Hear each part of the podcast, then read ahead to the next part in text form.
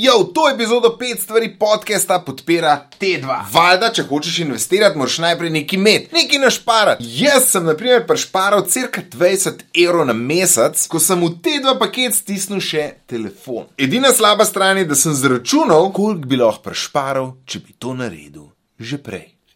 5 stvari podcast številka 9, Marja Milič. Dobrodošli To je pet stvari podcast, uh, jaz sem Jože, ampak to sploh ni važno, kaj ti danes z nami tukaj. Uh, se pravi, ne vem, kje naj začnem. 15 let se že ukvarja z osebnimi financami, napisala je uh, najbrž tisočine člankov o osebnih financah, tri knjige o osebnih financah, eno o kriptovalutah, um, postavila in vodila je prvo um, šolo za uh, najstnike, se pravi za finančno opismenjevanje uh, najstnikov. Uh, bila je dolgoletna urednica mojih financ, uh, zdaj pa ustvarja uh, prvi, uh, prvi podcast uh, o uh, financah, o osebnih financah, Moneyhow. Um, uh, dame in gospodje, z mano je Marja Milič. Ja, zdravo, zdravo, Jože. Kako Živa. si? Hvala wow. za tako za tako ja. lepo napoved. ja, hvala, ker si mi omogočila. Veš, ker, pač, če ne bi uh, vsega tega naredila, ne bi mogla te tako napovedati. Um, Marja, sem na začetku, mi da se poznava, ker si me enkrat povabila v, v tole poletno šolo. Um, zaradi tega, ker pač kao YouTuber, pa to, da sem mulcem um, razlagal, je to, da je to res biznis. Tako se poznava, sicer te pa pač jaz spremljam in berem že um, dolga, dolga leta. Um, berem, vem dovolj o tem, mislim, vem kar nekaj o osebnih financah. Problem je pa, da nič ne naredim, ne? največkrat. Uh, jaz mislim, da nisi edini, jaz mislim, da kar večina, zelo veliko vemo, teoretiki. Ali je to tako, kot kar kauč komentatorji za futbol, pa futbol, pa pa kateri koli drugi športni dejavnosti. Zelo radi komentiramo, skavča smo najbolj pametni. Da, evo, to, to. to sem jaz, to sem jaz, jaz sem kauč komentator. Um, v glavnem, in pol, uh, da zdaj poslušam uh, te tvoje podcaste, lahko celo rečem, da, da je to zdaj trenutno edini podcast, ki ga poslušam. Um, Uh, Mačkam sem zdaj le zadaj, ker nisem imel nobenih uh, voženj, ponovadi to med vožnjo poslušam. Um, ampak v glavnem, da best mi je super, uh, res bi še enkrat pohvalil, um, da je top in bi vsem priporočil. Fora je pa v tem, jaz sem te pa prosil, da bi mogoče mi dva danes naredila uh, pet stvari za, za ljudi, ki pa ne berejo veliko o tem, ker se jim ne da brati veliko o, o tem, kaj narediti. Um, kako, uh, kako pet stvari, ki jih rabimo, da bomo kul. Cool, uh, obračali uh, denar, kako se ti mu reče, prihranke. Upravljali z denarjem. Ja, upravljali z denarjem. Ja. Upravljanje z denarjem je načeloma kar resna stvar, uh, ni pa najtežja, kot se ponovadi tudi predstavlja. Um, se pa okrog upravljanja eh, denarja uh, dogaja cel kup komičnih uh, zadev, uh, tako da tudi bizarnih. Zdaj, ki se malo v zaostanku s uh, našim podcastom, recimo v prejšnjem teden sem imela debato z eno gospo iz zavarovanja kot direktorica življenjskih zavarovanj in mi je povedala, da pač njen prijatelj si je odrezal prste, zato da pač en prst je šel za počitnice, drug prst je šel za ne vem, kuhno. Tako da, oh slovenci počnemo cel kup bizarnih, bizarnih. Noč od tega. Noč od tega. tega. Se pravi, tega nočemo delati. Deva tako se zmeniti. Ne, se pravi, ti boš zdaj nam povedala, kjerih pet stvari rabimo, da nam ne bo treba rezati prstov, da bomo lahko šli na, uh, na, na, na dopust. Oziroma, veš, kaj, mislim, mene še bolj to zanima. Recimo, jaz sem zdaj živim predvsem v, v mislim, živim kot neke vrste freelancer, ne? se pravi prekarc, bi temu rekli. In večina nekih teh ustvarjalcev uh, iz moje branže, uh, tudi če imajo DO, so še zmeraj prekarci za moje pojme, po tej logiki, um, svobodnjak, kvazi. Uh, In pač, da bomo mi, kaj moramo mi početi, kjer jih pet stvari imamo, kam moramo mi početi, da bomo čez ne vem, uh, ustrezno število let um, lahko, ne vem, bili v penziji, kako se temu reče. Pa ne samo vi, ne, ampak vsi mi, ne. Ja, razumeš? Ja. Ja, tako da to, to, jaz upam, da bomo odgovarjali vse, ne samo prekarce, oziroma um, del podjetnike ali pa SP-je, ne ja. ostale zaposlene. Ne. Mogoče sam to, okay, povej, Jože, povej, vidim, ne. Ne, sorry, sem še kaj samo to reči, da, da mi smo pač tako, ne, eh, mislim, da, se pravim, da, da večina nas ni zaposlenih. Um, uh, in, je, in je pač pol vsi zelo malo plačujejo prispevke in vse to in je sploh, ta penzija bo, bo zelo mizerna. Um, in sem, zato sem hotel reči, da je mogoče še bolj poudarek na tem. Pa še mlajši, ki so, manj bo za res um, zaposlitev, po mojem. Ne. Oh, zdaj sem zamoril, zdaj pa. Ma ne, to je dejstvo, to je, ja, nič nisi zamoril, to, so, to je pač fact of life. Na pokojnine, ki jih bomo dobili s tem, kar plačujemo danes, prispevke bodo res mizerno nizke, ne pričakva, da bo žlo bo prav veliko visoko penzijo in nujno je potrebno poskrbeti za to, da, da pač danes vrčuješ. Ne, tik pred penzijo, ampak že zdaj začneš, že takoj začneš vrčevati. Ne. Zdaj, preden greva na te pet okay. stvari, ja. a ti lahko povem, da nujno rabaš pa vse neko orodje za to, da Dej. lahko učinkovito Povej. upravljaš denar. Ja, ja, ja. okay. Računalnik rabaš, ne, ampak okay. recimo. Je, vse več smo pa na telefonih, pametnih telefonih. Tako da okay. definitivno um, je telefon oziroma računalnik številka ena, kar potrebuješ za učinkovito upravljanje uh, denarja. Jaz konkretno živim brez gotovinsko, torej nič nimam gotovine, kovancev, uh, bankovcev že ne vem, ne sedem let, če ne celo več. Kako daš Kako? na pitnino? Ja, to je pa cel, cel problem, ne? to moram pa prav razmišljati vnaprej, ko grem recimo k frizerju, da moram na pitnino sabo vzeti. Včasih se zgodi, da pozabim, pa me pa ful naroden. Ja. Res, kako mi je naroden. A kaj pa če Vglavni... bi kar flik, po fliku takrat dodala? Uh, ja, uh, nim, nimaš možnost uh, plačevanja uh, trgovcem ali pa prodajalcem določenih storitev uh, s flikom. Tega še ja, ne moreš ja. narediti. Ne? ne, za napitnino mislim, ne. Za napitnino imajo me, v Ameriki to tako super rešeno. Ne? Tam otipkaš, koliko si bil zadovoljen s storitvijo, določaš procente in čau, vse prek kartice in nadijo. Pri nas okay. tega zaenkrat še ni, tako da je kar problem in moraš vedno vnaprej razmišljati. Ne? Ja. Zdaj, um, jaz prek telefona delam praktično čist vse. Trgujem, kupujem, plačujem um, rezerviram letalske karte, hotele, prodajam prek Let Go, sem prodala praktično cel stanovanje, ker smo se preselili takrat, ko smo renovirali. Uh, tako da s telefonom res, res zelo veliko stvari počnem, um, tudi investiram. No? Tako da zdi se mi zelo priročen. Um, in zelo hitro se lahko, lahko odreagiraš, če pride do situacije, ko moraš odreagirati. Okay. In jaz mislim, da bomo v prihodnje več ali manj vsi. Že zdaj smo na telefonih, ja. ampak zdaj delamo čisto neumne stvari. Zdaj, recimo, po eno uro brskamo po tam social medijih ja, uh, ja, ja, in več. Ja, ja, ja, ja. Da, če, Razen, če ne. ni to YouTube, kjer smo zdaj, ne odobravamo brskanja po, po uh, social medijih. Ja. Um, ok, telefon. Aha, to, to so še pred, to, je, to so nič ta stvar, so to še, ne, nič te stvari. To je nič ta, to je ja. osnovno orodje. Osnov, okay. Računalnik oziroma uh, telefon. Lahko ti tudi povem, katere aplikacije za finančne največkrat jaz uporabljam. Tako, Dej, da se res. Uh, sam sekundo. Največkrat, ok, jaz imam delovsko hranilnico, delovska Aha. hranilnica, mobilna banka, potem seveda tudi mobilna denarnica. Uh, zelo veliko. Deha denarnik. Ja, ja. Okay. Zelo veliko, tudi eh, NLB ima, pa uh, Intesa San Paolo, pa okay. uh, druge banke imajo tudi uh, mobilne denarnice. Ne vse, ampak kar nekaj že uh, jih ima. Uh, recimo, jaz zelo veliko uporabljam N26, Aha, to je nemška, ja, nemška digitalna banka. Uh, mam, zelo veliko plačujem. Zakaj? Zakaj ne z delovskom? Um, ne vem zakaj, mislim, ne vem, sem se navadila, že toliko časa uporabljam na 26, brez provizijska je.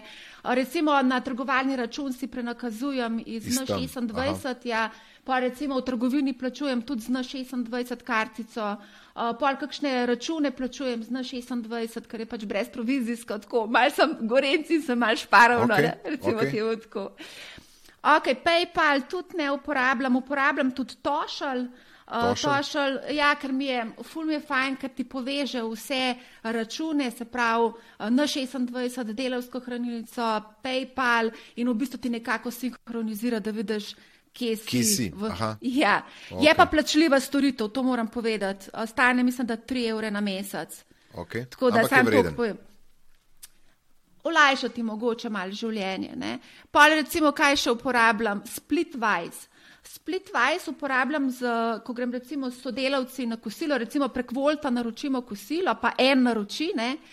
Uh, in si potem stroške razdelimo prek aplikacije Splitwise. Super aplikacija, zelo A ja, ker je priporočam. simpel številko odtipkaš, ali kaj, kaj že računa zraven. Uh, številko odtipkaš, pa razdeliš stroške, pa imaš v bistvu strošek ene dostave, ker če bi vsak naročal, je to že kar fulen strošek. Ne. ja, ja. 2 evra na dostavo je to. ne. Uh, potem uporabljam brezplačno aplikacijo No Prints, zaradi tega, da lahko shranjujem digitalne račune. Sam to ni za firme, a ne?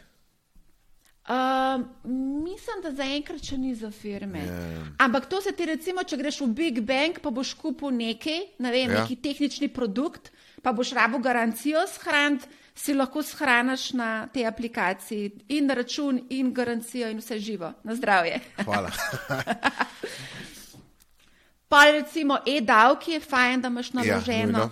okay. Uh, tako da to veš, kakšne so prednosti. Jaz vsem priporočam tudi flik, brez plačanja. Ja. Mi dva si lahko v sekundi nakažemo denar, 10 ur ti lahko zdaj nakažem, pa boš imel čez eno sekundo svojem sem računu. testiral, to sem testiral že eno, zg, zg, zg, zg, parkrat naprej nazaj, vse res noro, hiter, da best je. Ja. Sej zato, to sem hotel tam pri unmu, uni aplikaciji zadeliti uh, stroške, ne vem za kva kalkulator, pa flik ne uporabljate. Kjer kalkulator pa? Ja, seveda. Ja, pač da vpra- zaračunaš, Ja, ne. A Ja, veš, vem, da- ne, ne, ne, čakaj, prek Splitwise ti sam preračunaš stroške, ker ne boš ti Aha. sprot plačeval, ti enkrat na mesec se zmenaš, da boš A, plačal. ne. A, okej, A veš, okej. in potem si sam cak, cak prek flika prenakažeš. Ja, ja, seveda. Ok, dober. Aha, no, to bi bilo vsakič sprot, dobro, ni ajzi. Ja, le, Ja, ja, zdaj vsakič vsak, ja, sprot. vsak svoje, ja. vsak Ali že svoje, vsak okay. dan naročaš, zdaj cak, cak, dej. Ja, Okej, enkrat na mesec se enough. Cool. Uh, pa recimo um, te uh, kriptomenjalnice imaš tudi lahko na telefonu, jaz konkretno imam Kraken, ampak čisto vse, pa Coinbase imaš gor, ne, tako da Aha. tudi lahko enostavno res klikneš in si že investiral oziroma pač In že kupil, kripto kakorkoli. in že lahko jahto kupaš naslednji.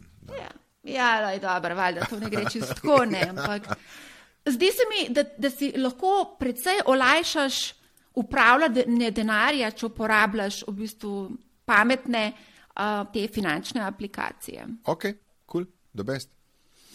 A greva kar na stvar, prvo mojem, stvar. Deva prvo stvar.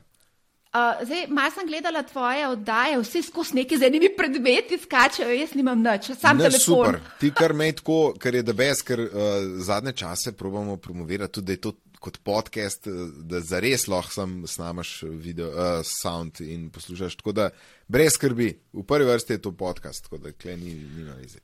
Um, prva stvar, tudi sam si že takoj na začetku povedal, je v bistvu, da si kavč investitor, oziroma da oddelač gledaš, pa nič ne narediš. Nisi edini, večina ljudi ima te probleme, uh, probleme z uh, sprejemanjem odločitev.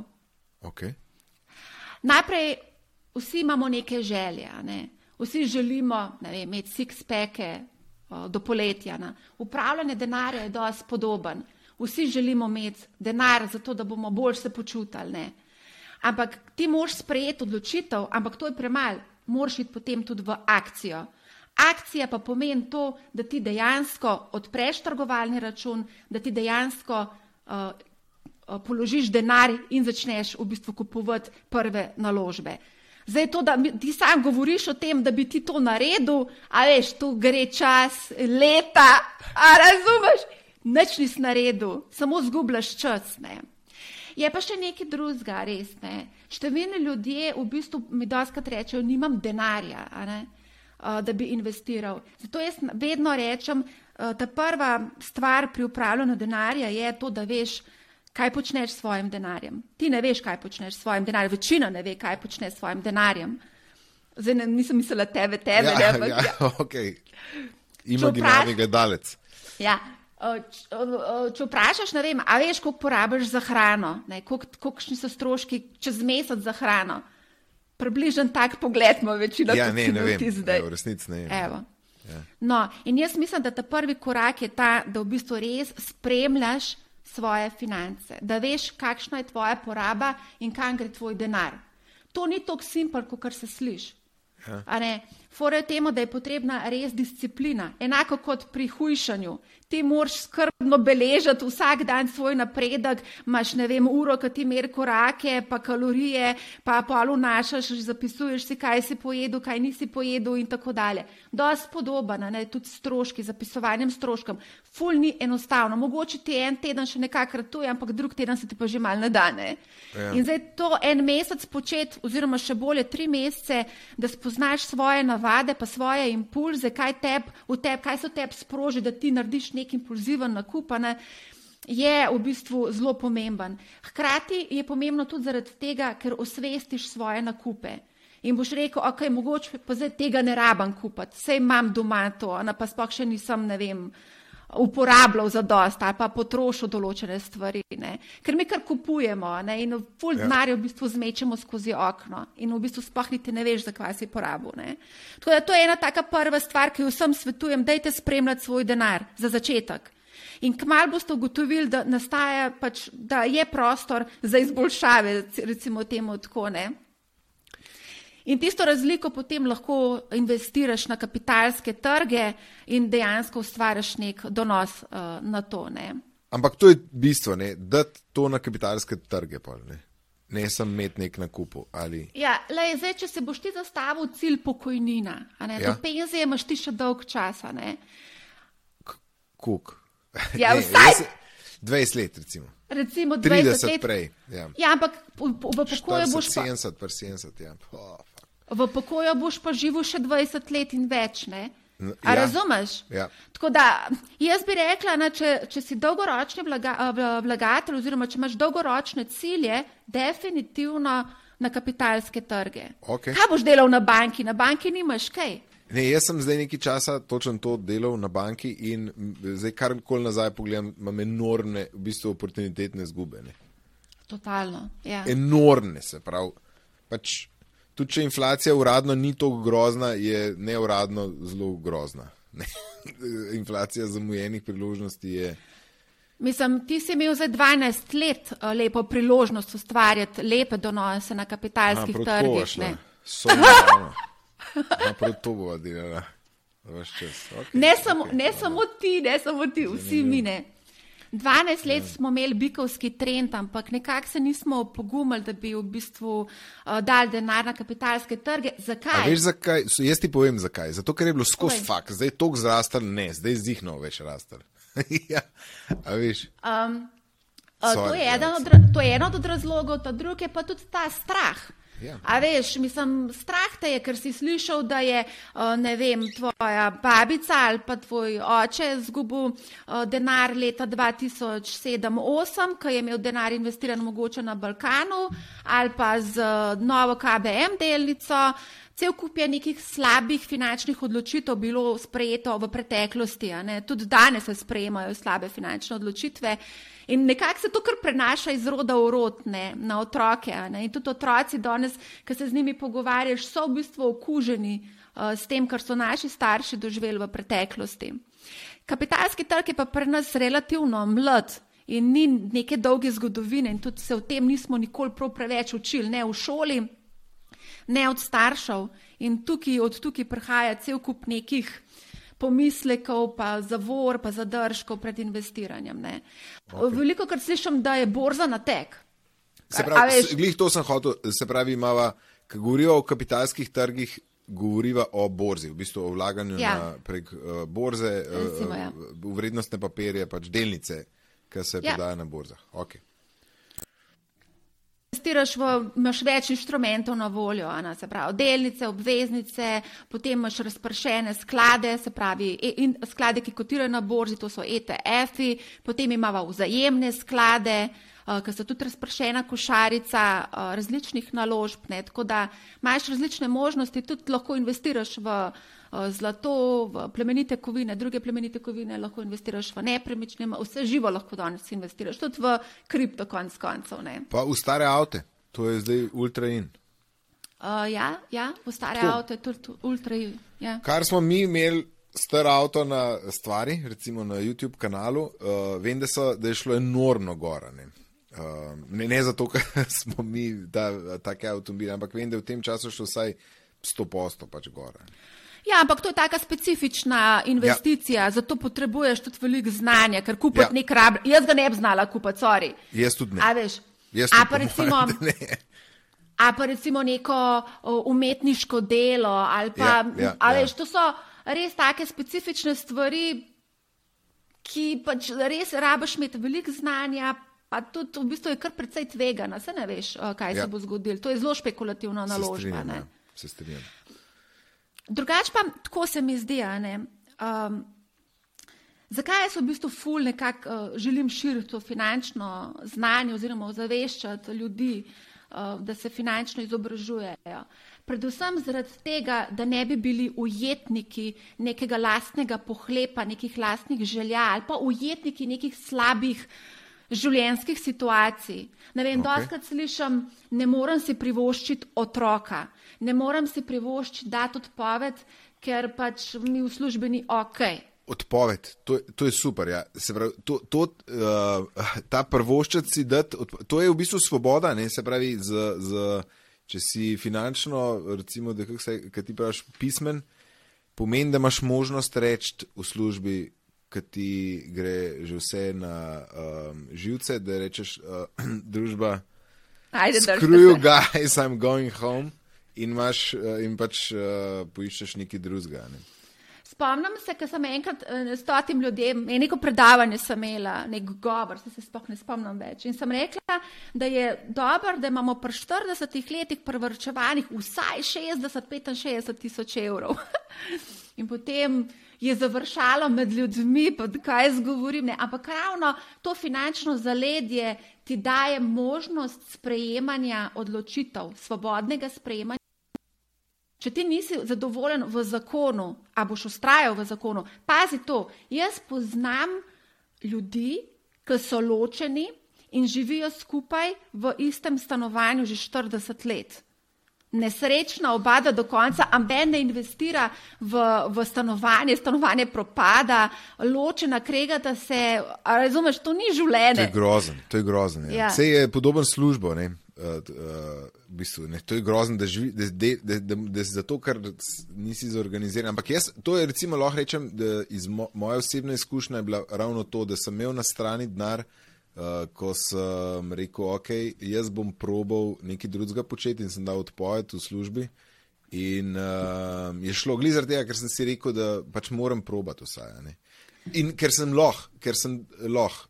Ker sem to, ker sem bil relativno um, uh, krvarčen, na to moram se zahvaliti mami, da je me, uh, uh, kot sem jaz imel za škrto, pač uh, je ratal to, kar fajn v lifeu. Jaz imam tudi to izkušnjo. Ne? Jaz sem tudi v bistvu dala odpoved. Ravno, eh, pa tudi v bistvu samo zavest sem imela ravno zaradi tega, ker sem imela to finančno zaledje. Moram pa priznati, da mi pa vse ni bilo enostavno dati odpoved, ker pač si vseeno ustvaril si neko ime, nek status, imaš dobro plačo, dobro pozicijo, ustvaril si cel kup nekih produktov, sam si jih nekaj naštel na začetku, ne. ampak okolja ti ne moreš spremenjati, ne? ti se pa skozi čas sam spremenjaš in imaš drugačne potrebe in enostavno je treba poslušati sebe in iti naprej. Ja. Ne smeš dovoliti, da te nazaj držijo drugi, ki pač nočejo iti naprej. Ne? Tako da, ja, po, potrebno je razmišljati o sebi. Tako kot si ti sam rekel, rabo si spremembo, ne pa si šel čisto drugo, ja. druge vode, ne? ti si šel ja. iz finančnega sveta v komedijo.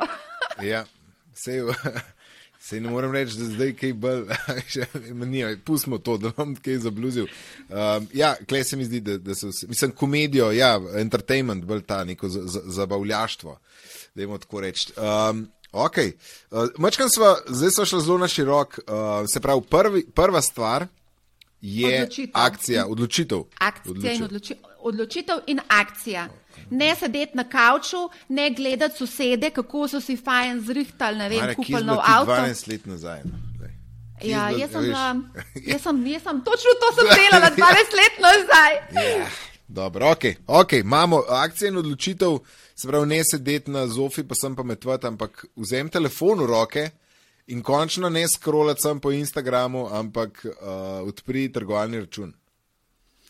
Ja, mislim, zdaj, zdaj tako, zdaj odpri trgovalni račun. Zdaj imamo različne profile. Eni mogoče ne želijo investirati sami, a ne preko um, trgovalnega brokerja oziroma preko brokerja, pač nimajo te samozavesti, pa bi želeli mogoče preko vzajemnih skladov Okej. vstopati. Ampak vsaj Zdaj, to. Greva, greva na drugo, drugo Dejva, stvar. pev, okej, ja. to, je pa, to je pa ta temelj, osnova. Okay. Osnova. Ti moraš poskrbeti za temelje. Kako to poskrbiš? Jaz mislim, da je najlažje poskrbeti za temelje tako, da investiraš v neko globalno razpršeno zgodbo. Okej. Bodi se je to globalno razpršen ETF, Okej. bodi se je to vzajemni, globalno razpršeni vzajemni sklad. Okay. Seveda so razlike, moramo se zavedati razlik. Ne. Vzajemni sklad je načeloma nekoliko dražji, ne, zaradi tega, ker pač imajo v ozadju so aktivno upravljani skladi, v ozadju so cele upravljalske ekipe, analitiki, neka družba za upravljanje. Um, vzajemni skladi so organizirani kot krovni sklad. Jaz sem temu rekel, da je to neka mini davčna oaza, ker se ti lahko premikaš iz delniške naložbe v obvezniško skačeš levo, desno in zato ne plačaš davka. Ne? ETF je pa pri ETF-u oziroma skladih, ki kotirajo na borzi, je pa vsem potrebno mal večji angažma. Prva stvar je to, odpreti trgovalni račun. Kater trgovalni račun boš zdaj odprl, ker jih je Točen veliko, to, ne? točen to. Tudi ti imaš na, na, na, na, na strani, imaš že uh, se pravi, celo tabelico in vse lepo razdeljen, kakš, kjer trgovalni račun, ampak še vedno sem te klical. Ne, ker sem to odpiral, ker je, ja, dobro, še zmeraj se moram odločiti. Uh, Um, Jo. ti bom tako povedala, nisi edini. Ljudje potrebujejo potrditev. ja, ja, pa to. Žena me ne posluša pri tem, ona sem kima in prav, ja, to verjamem, da, uh, da ti veš, kva to. Uh, Jaz imam drugače eno Discord, kan, uh, skupino na Discordu, ker se pogosto pogovarjamo, oziroma se sam pogovarjamo o upravljanju denarja. In je vedno, vsak ta nov, ki pride noter, na to prvo vprašanje, Kaj kateri imate? račun. Ja. ja. Tako da jaz konkretno imam Interactive Brokers že zelo, zelo dolg časa. Uh, številni naši poslušalci imajo tudi CapTrader. Um, zdaj uh, vse več jih ima tudi Flatex Dežiro. Uh, to je nemška, digit, uh, nemška, nemški broker. je to. Samo moraš v nemščini znati pol brati. Mal je zoporen, ker nimajo v angleščini. Ampak se Čeprav daš Nemci ful prevzamejo angliških besed, tako da ni tako težko, res je. Ja. Uh, mislim, lahko iščeš izgovore, če hočeš. Ne? Ne, ne, sem, lej, sej, sej, bom kar, bo, če si ti pojela, kjer ga imaš ti, bom še jaz pojel. ne. Pač na, ravno na to priporočilo, ko so debatirali, sem pač odprl to. ne. In me najprej me je to, ker sem že imel v preteklosti jaz neke te nemške račune. In se spomnim, da me je to blazen motil, ampak eh, zdaj, z, če sploh če na računalniku odpreš, je simpel, ker vse avtomatsko prevaja. Pa. Na telefonu app je pa še zmeraj v nemščini, ampak vse te konto, numa, pa te stvari se že navadiš. Ja. So prednosti in so slabosti, no, tako da zaenkrat je to to. Um, drugač, številni mi tudi razlagajo, da uporabljajo druge platforme, kot so recimo eToro, uh, brezobrestno trgovanje, um, brezprovizijsko trgovanje. Uh, ja, zdaj pri eToru je cel kup nekih uh, hakalcev, ki je treba biti zelo, zelo previden. uh, Da ti ne vrže na CFD, ki je izvedeni finančni inštrument, pa dosti krat menda, da se sesuje spletna stran. To sem Wow, ravno ta to je vi- slab znak. ja, To sem ravno ta vikend mi je razlagal en fant, uh, da je Aha. v bistvu on kupoval prek e-tora in da takrat, ko je bil ključen trenutek, nekaj hotel prodati, da ni mogel. Ne. Ošit, ošit. Tako da, Se pravi, da Alek Baldwin ni zagotovilo, Alek Baldwin je namreč v reklamah za e-toro, Alek Baldwin ni zagotovilo, da je neki najboljša um, storitev. ne. Uh, lahko ti še nekaj drugega povem. V preteklosti smo v Sloveniji imeli cel kup znanih slovencev, ki so promovirali razne finančne produkte, ki so se na koncu izkazali za prevaro. Še nedolgo nazaj je bil en promotor, znan slovenski smučar, ki je propagiral eno finančno prevaro. Tako da Aha. to, da nek znana oseba, nek znan frisne, nastopa v neki reklami, ni garancija, da je pa stvar ful dobra. Dobro sto povedal Jože. ja, ja, ni, ne. Ampak, veš, zdaj, um, kletko, zdaj, če jaz to govorim. Veš, je drugače. Ja, um, zdaj imamo tebe, zdaj imamo tebe zraven, ki si kredibilna oseba iz tega eh, sveta. Da, ja. um, okay. Te linki, link predvsem recimo v tem primeru zdaj le, ki govorijo o primerjavi uh, traderjev, bo seveda link na ta tvojo razpredeljenco, bo tudi v opisu tega videa oziroma v opisu tega podcasta, um, tako da brez skrbi. Evo. Um, ja, drugače uh, boš pa verjetno tudi prelepil uh, indeksne sklade, ki smo jih priporočali. To je pa naslednja stvar, seveda, ker sem hotel že prej ti uleteti v besedo, ker si rekla, da ni. Um, Ma, v glavnem, da tudi tam imaš vse zbrano. ja, kjer, vse je zbrano. Kjer sklad je ta, se pravi, za temelj, ta, ki je osnova. Pravi, tukaj, unta prvi, ki je bil naveden, je, je nek World Index, Ker praktično to, to kar te na svetu, mislim, načeloma v vse svetovne borze. Uh, razpršeno je, globalno ja. je razpršeno, tako da v bistvu res je uh, zelo majhno tveganje. Um, če ti greš v bolj specifične, až kako se je omenil prej avtomobile, na to je že niša, ne? bolj je nišno, bolj je tvegano, ponavadi so pa tudi um, dražji taki, taki produkti nišni. Ja. Globalno razprašeni uh, se mi zdijo primerna osnova oziroma temelj. Deva vrniti se na telovadbo. A boš ti šel z nula kondicije teč na maraton? maraton? Ne, verjetno boš počasi delal na tem, Enkrat da boš šel na morje tako. Enkrat sem šel iz Kauča na morje. Um, ja, so me kar bolele noge na naslednji dan, pa, predvsem pa rit. Rit je bila hujša, ja. tam je bilo bolj. No, ampak hočem ti povedati, lepo počasi postopoma. Najprej deva temelje, se pravi, da je redno trenirati. Osnova je globalno razpršen vzajemni oziroma indeksni sklatane. Uh, in potem bomo počasi nadgrajevali uh, zgodbo, svoj, svoj portfelj. Okay. Zdaj, če želiš, gremo lahko na tretjo točko. Peva, super. To je zdaj, se pravi, mava, prva je sploh akcija, drugo je, je, pa, um, je pa osnova, kam najprej uh, investirati. Okay. Ja, cool. mogoče po osnovi lahko še dodava, da je vsem treba nekako definirati vrčevalne cilje. A vrčuješ za penzijo ali za kakšen drug. Danes se tako pogovarjava. Danes se pogovarja, da se vrčuje za, za prav, da so vsi mlaj, toliko stari, kot jaz, ali mlajši, in se pravi, da bodo investirali, da se investira za 20 let. Ne za, ne za motor, ne za avto, ne za flet, za 20 let. Vsaj za 20 let, se pravi, za uno luč na koncu tunela, ki upajmo, da ni vlak. Um, ja, ja, ja, pa se tudi ti mladi, ki začnejo relativno zgodaj investirati, cel kup jih imam, uh, me kontaktirajo, stari so, ne vem, 15, 14, 13 let, ne, uh, tudi nekako razmišljajo o finančni svobodi pri 35 letih, 40, okay. želijo v bistvu, ampak njihov glavni motiv je nakup stanovanja. Ne. Tako se mi ja. zdi ful zanimivo. Uh, ja, seveda, ne, da je zato, da gre stran od starih. Tako je zdaj. Yeah. Ja. Um, ok, um, tretja stvar. Jaz bi rekla, da je tretja stvar um, investicija v znanje. Jaz mislim, da vsak more, tudi ti, ki si začel z YouTubenjem, si investiral ogromno časa, verjetno v učenje, montiranje, pa cel kup napak si naredil, pa vse živo, verjetno. Ja. Podoben je pri investiranju uh, denarja. Ne? Uh, učiti se je treba, spremljati je treba trge, širiti je treba znanje in krok kompetenc.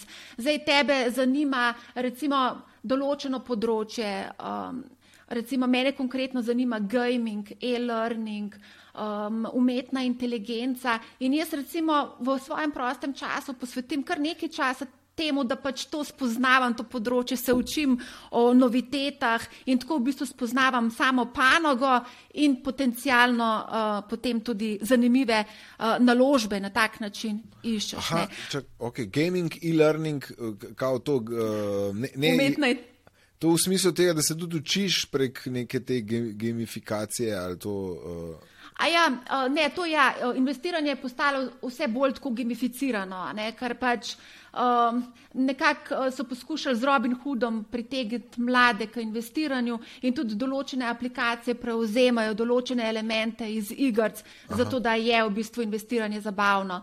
Um, tudi recimo e-toro ima en tak zanimiv aspekt social uh, uh, investinga, ker v bistvu imaš podporo vsega tega komunitija, ti z njimi komuniciraš, lahko uh, investitorji, uh, veliki, velike neke komunikacije, tako kot pri družbenih omrežjih. Ne. Okay. Uh, ne, ampak jaz, mene tako nasplošno zanima sam gaming, razvoj industrije, panoge in tako v bistvu se spoznavaš uh, panogo samo. A Recimo konkretno.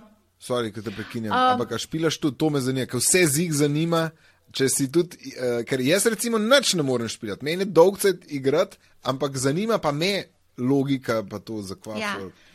Iskreno povedano, jaz ne igram igr. Zdaj le nehaj gledati milijon folka. uh, Igrice pa igrajo moji otroci, fulne. Um, in moram priznati, da uh, nekako sem postala tudi pozorna na ta gaming sektor, ravno zaradi uh, mojih otrok. Uh, ker konstantno sta mi govorila o inovacijah in novitetah, ki prihajajo na trg. In sem rekla, ok, ne, Če moja ta male to zanima, pa če sta ona ta pripravljena investirati svoj denar za nakup teh iger, gremo pogledati, kaj dogaja na borzi. Ja. In tako se začne. Sej, um, Um, umetna inteligenca je dosti podobna stvar, veš, to te verjetno zanima, kaj se dogaja, kaj bo vse možno, ali pa recimo, kaj je bilo zdaj še vroče. Marihuana je bila tudi vroča v zadnjih časih, kar precej. Sploh čez.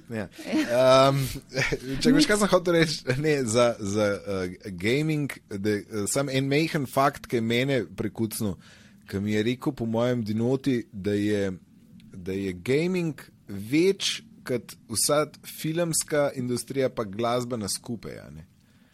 Se pravi, Ej, največji možem. entertainment biznis v resnici. Se pravi, jaz, jaz živim v tem svetu, da je vse je TV, vse so filmi, vse, to je huge, pa so mi zdihi muzika je huge. E, pff, gaming je yes. huge. Ja, ja zdaj imaš še na olimpijskih igrah, bo, bo se bojo vrstile te uh, e, e, igre, ali kako se temu ja. reče, na olimpijske igre. Uh, pa recimo zanimivo je to, da se koncerti organizirajo znotraj. Uh, ja, no, pa to, pa, da, da, da kupujejo skine, pa ne vem, kva vse je. To je tako, vse je. To, v bistvu, ja. veš, pa, pa meni je jasen, moj ta mal ima že ne vem, koliko skinov, pa meni je jasen, zakaj rab še enega novega. Ampak, gled, to, to je... so iste stvari, ki jih jaz slišim od, od, od, od, od Folka. Ampak v resnici to, to koliko smo mi že ratujemo, uh, kako bi rekel, oddaljeni od tega, kaj več, kako večina, mislim, pa mladi razmišljajo. Ja, mladi čez drugače razmišljajo. Oni so odraščali z tablico v roki ali pa s telefonom v roki. No, Nim je to tako, pač čisto vse jim funkcionira v glavi, točno vejo, kva morajo narediti. Ja. Tako da jaz mislim, da je to pač ena panoga prihodnosti. No. Kar se pa tiče znanja, mislim, mi imamo danes Google, na Googlu je vse živo, tam lahko dobiš res veliko informacij, seveda je pa treba te informacije tudi mal biti selektiven, pa mal paziti, komu verjameš, pa komu ne, ne? Ja. ker je veliko velik pač enega nakladanja, ne? pa okay. velike prodaje. Dej na men uh, sajt ta glaven, kamor ne gre, uh, se pravi, južen ovak, kam ne gre uh, zjutraj, ki gre na blato kam, kam ne pogleda. Je treba vsak jaz... dan pogledati ali dovolj če enkrat na teden? O, ne rabaš vsak dan. Enkrat na teden. Jaz tečajnice ne bi vsak dan gledala, ker Boh to je brez veze. Ne. Ja. Ne. Ampak vseeno, jaz ne vem, prihajam iz novinarskega sveta, jaz vsak dan berem novice, niti, niti da ne brala novice. Na meni je to pač nekako profesionalna deformacija. Okay. Tako, če, ampak kaj pa svetuješ enemu, da se ne bo preveč vznemiril, ampak da bo dolgoročno gledal? Tako, jaz si sam želim, da ne bi dnevnih novic bral, ampak da bi bral neke take tedenske, kjer je že malo bolj umerjen, malo, manj, malo bolj z distance, še raje bi pa kaj mesečnega. Kam iti um, za te glavne? Um, Ja, recimo, meni je blazno všeč MarketWatch, uh, Yahoo Finance, Yahoo, Uh, pol, recimo, jaz imam to srečo, da imam možnost uporabljati tudi Bloomberg. Ja, obstaja okay, tudi spletna, spletna stran Bloomberg, obstaja. Imáš CNBC, imaš Money, imaš Kiplinger. Um, Če bi Potem- enega, ajde sam enega nam, če bi. Kje, A veš, kaj bi ti priporočala? dej. Uh, da se naročiš na newsletter od Morning Brew. Morning Brew je naredil en mlad fant, ki je bil v, zaposlen kot, invest, uh, kot broker v eni investicijski družbi in je rekel, da je poplava informacij bila in enostavno ni bil sposoben skonzumirati vse te informacije in je rekel, kaj pa če jaz svet. naredim Moj, kdo povedal, da, živi, da vsi živimo v tem svetu? Kaj pa, če jaz naredim nek povzetek ne, dogajanja, ja. glavnega dogajanja, in on je naredil uh, morning brew. Okej. In meni se zdi, da dobiš tam veliko zanimivih informacij. Jaz ga spremljam redno. Okay. Tako okay. da tam imaš povzetek, tam vidiš, kva dogaja, kva ne dogaja. Mislim, kripto, borze, eh, gospodarstvo, vse živo imaš zelo kratki povzetki, tako tudi zelo zanimivo napisani. Hudo, super. Meni je zelo všeč. No? Okay. Um, kaj bi še rekla? Je nač, manihau, poslušajte, manihau je eno uro na teden. Eno, e, jaz se strinjam. Če ne pa, če dam lahko jaz še maj kapov knowledge tukaj. Čak zdaj, zadnj sta z, z uh, naredila povzetek, kako se reče, sta imela eno posebno uh, epizodo. Manilog. Ja, Kakor Manilog. dialog. Ja, to je kot bi tudi to, dialog. lahko bi sam te, a ne, za une, ki niso čist noter. Ja, manilog je v bistvu nekak povzetek vsega, kar se je zgodilo, plus v bistvu odgovori na vprašanja. Mi dobivamo res ogromno Ja, vprašanj. manj log svetujem. Manilog se mi zdi, da je tak zelo ok. No. Tudi v živo ga delamo prek YouTube, sem ga tudi streamala, sem imela zelo super goste. Damjana Merlaka, Tonija A, Jukiša, to sem pa Andraža gledal, Grahka. Ja. To sem pa gledal.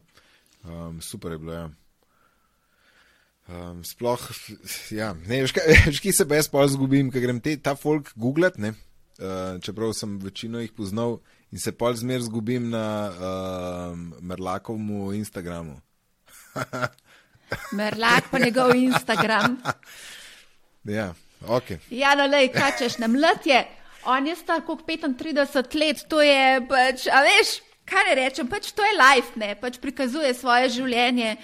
A veš, včasih ima probleme, ne zna se odločiti, kater sladoled bi pa vprašal ljudi, no, mislim, da me 20 stavžo trdi, ki mu pa povejo, hej, tega, ne vem, jagodo, whatever. Ja, ja, ja, ja, ja. Ne, ne, drugače, on je meni drugače kar kulno, zelo je Noro, tak. the um, best je, mislim, super sogovornik je bil pri tebi, res the best je, super je.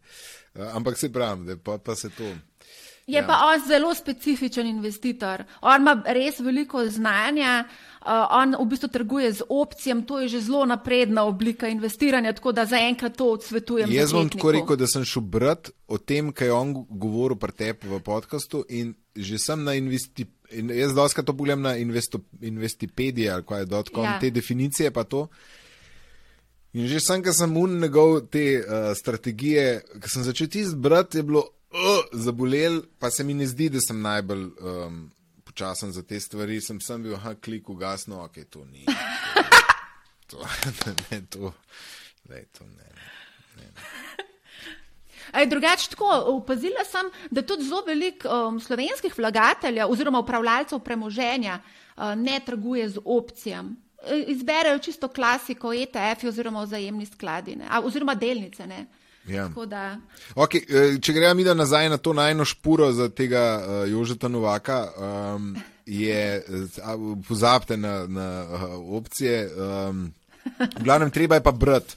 Treba je pa brat. Um, se pravi, sva rekla newsletter od Morning Brew, pa podcast, če ne vsak Manihau, pa Mani Log, a sem prav povedal. Ja, mislim, ne, vse materijala je res veliko, dobiš tudi zelo ja. veliko zanimivih informacij na, na YouTubu. Um, Investopedijo si recimo omenil, tam je res bogata zakladnica znanja.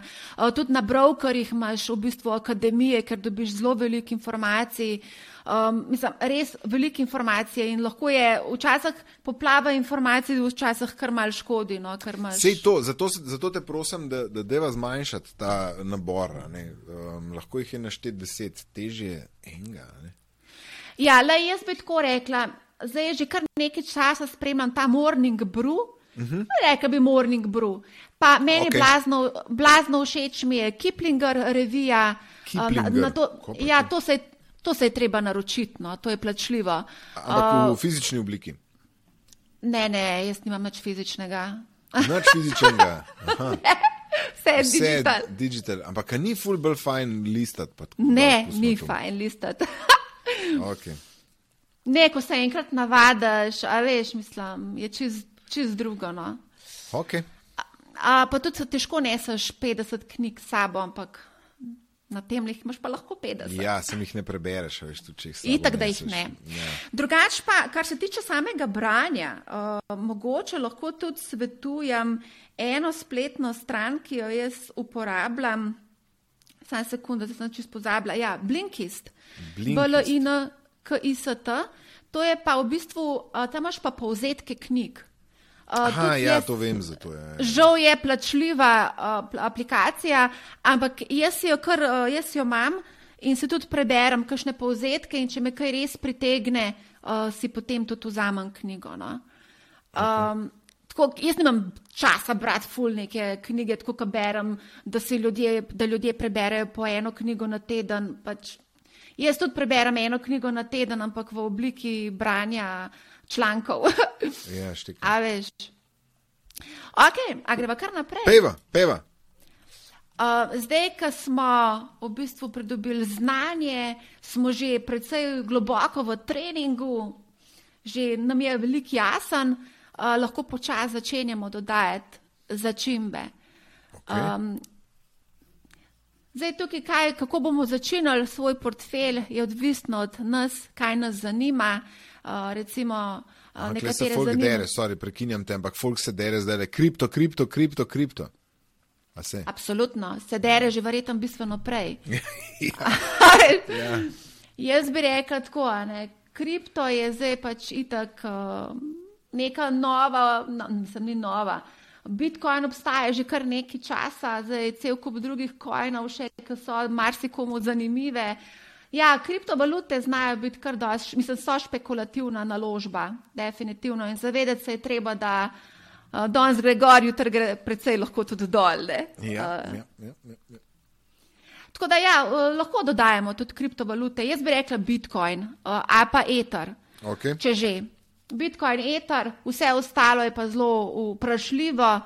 Uh, ne vem, kaj bi svetovala, katere druge. Jaz sem še recimo nekaj drugih kriptovalut, ampak to je čistko špekulativno bilo uh, kup, kupljeno. ne. Uh, drugače pa tako, ne, pri začimbah. Dodajaš lahko, recimo, zdaj imamo globalno razpršen sklad. Lahko se odločiva za posamezno regijo, recimo, boš ti rekel, meni pa zanimiva ful Evropa, čeprav bo še eden redkih po moje, ki bo to rekel, ampak ajde, Ok. recimo, a pa trgi v razvoju. In bi rad investiral v trge v razvoju. Lahko kupaš recimo ETF, ki je vezan na indeks, ki spremlja trge v razvoju, oziroma vzajemni sklad uh, ki investira v trge v razvoju oziroma v Evropo.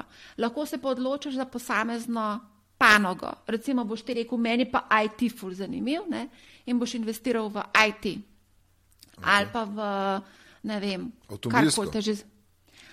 Oh, tudi lahko, no. A pa, a Nisi pa te, navdušena.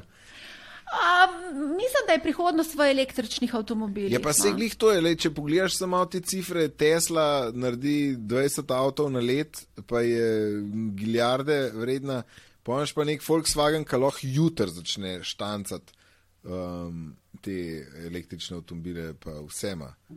Jaz ne vem, to, a, a ni tako. Očitno Ja, ne, ja. očitno ne.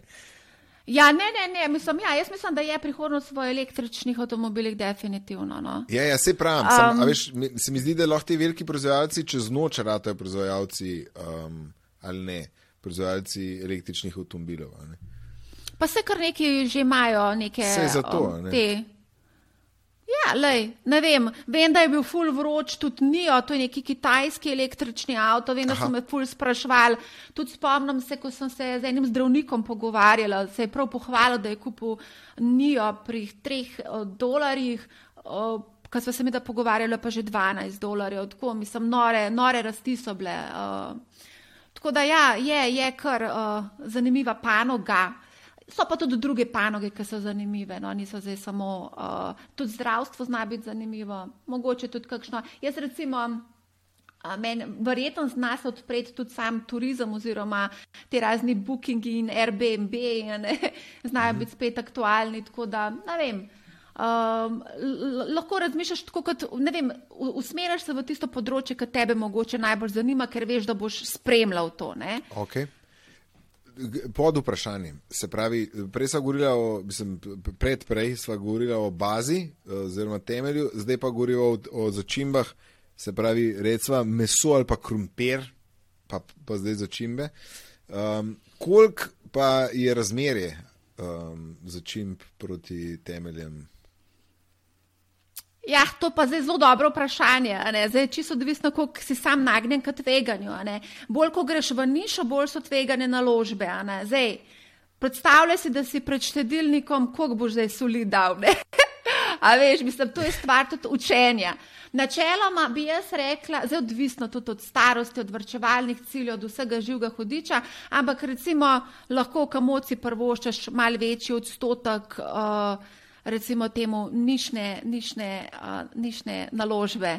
Dokler si še mlad in imaš še dolg čas do. Ok, ampak deva, dej cifre, dej, deva cifre, koliko je to malo več, koliko je, koliko je recimo konz, uh, uh, konzervativna varianta, koliko je um, kaj je to, um, liberalna, špekulativna. Špekulativna, ki, a veš, da, da dava neko ne, neutralno, koliko je za tega sleharnika, koliko mu priporočiva um, začin. Zdaj, načeloma se priporoča te, se veš, da ne moreš ful presoliti hrane, ne moreš dati 50% soli not. Ne?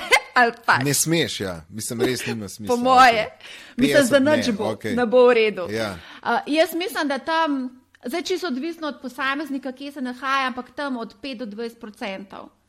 In odvisno, kaj kupuje. Ja. Ok. okay. In eh, recimo. A to se, se pravi, ti zapisuješ, ali kaj? Ja, seveda. Veš kaj, se rad bi, čim eh, zapisujem si, zato da bom tudi mal um, kakšne stvari napisal pol v opisu tega videa, uh, glede za to, da je pol lažje en povzetek narediti um, če, če ne bo kdo. Veš, zaradi česa, tudi zaradi te akcije, ki si kot prvo stvar rekla. Pač se mi zdi, da bo lažje, ko folk to poslušal, um, da bo pol mogoče šel povzetek prebrati ali pa tako, pa se pol lotu. Zaradi tega. Ja, seveda si zapisujem, zato ker te bomo čez pet let bomo hodili za tabo, hej, mare, ampak če bi pa mi drugače, kot ti rekla, bi pa. Ja, vedno obstaja možnost, da je drugačne. Ja. Uh, poznam kar veliko v bistvu mladih, ki investirajo 100 odstotno v kriptovalute, nimajo nič nobenih ETF-a. Če sem prav razumel, tudi Tomažina uh, na pretepu podkastu, da je tudi brkanje v kriptovalutah. Uh, Kot sem jaz razumela, ja, čeprav je omenjal tudi cinkarno. Cinkarno, ja, jaz sem tudi ta cinkarna. Aha, aha. Ja, ja. Okay. Ja, slovenske delnice so predvsem zanimive z vedika dividend. Uh, tudi jaz imam praktično cel SBI top, uh, iz, izjemo Telekoma Slovenije in tistih manjših, uh, ki so notor vključeni. Zakaj te moti pri Telekomu? Kaj te moti pri Telekomu?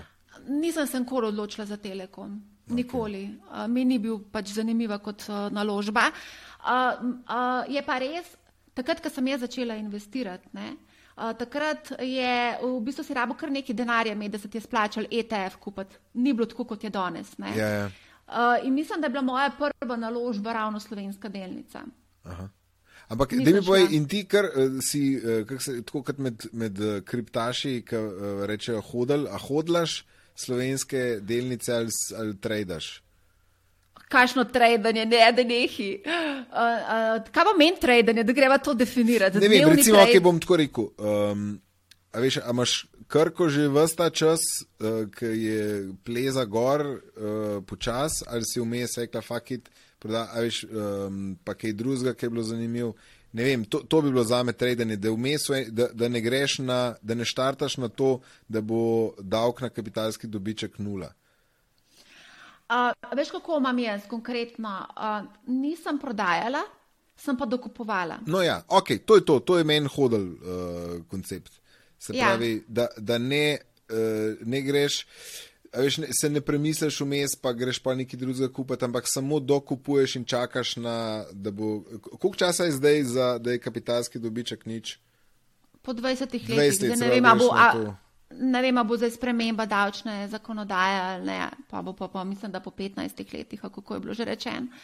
Skratka, um, pri teh uh, slovenskih delnicah je itak taka posebna zgodba, a ne mislim, gre za visoko dividendno donosne uh, delnice.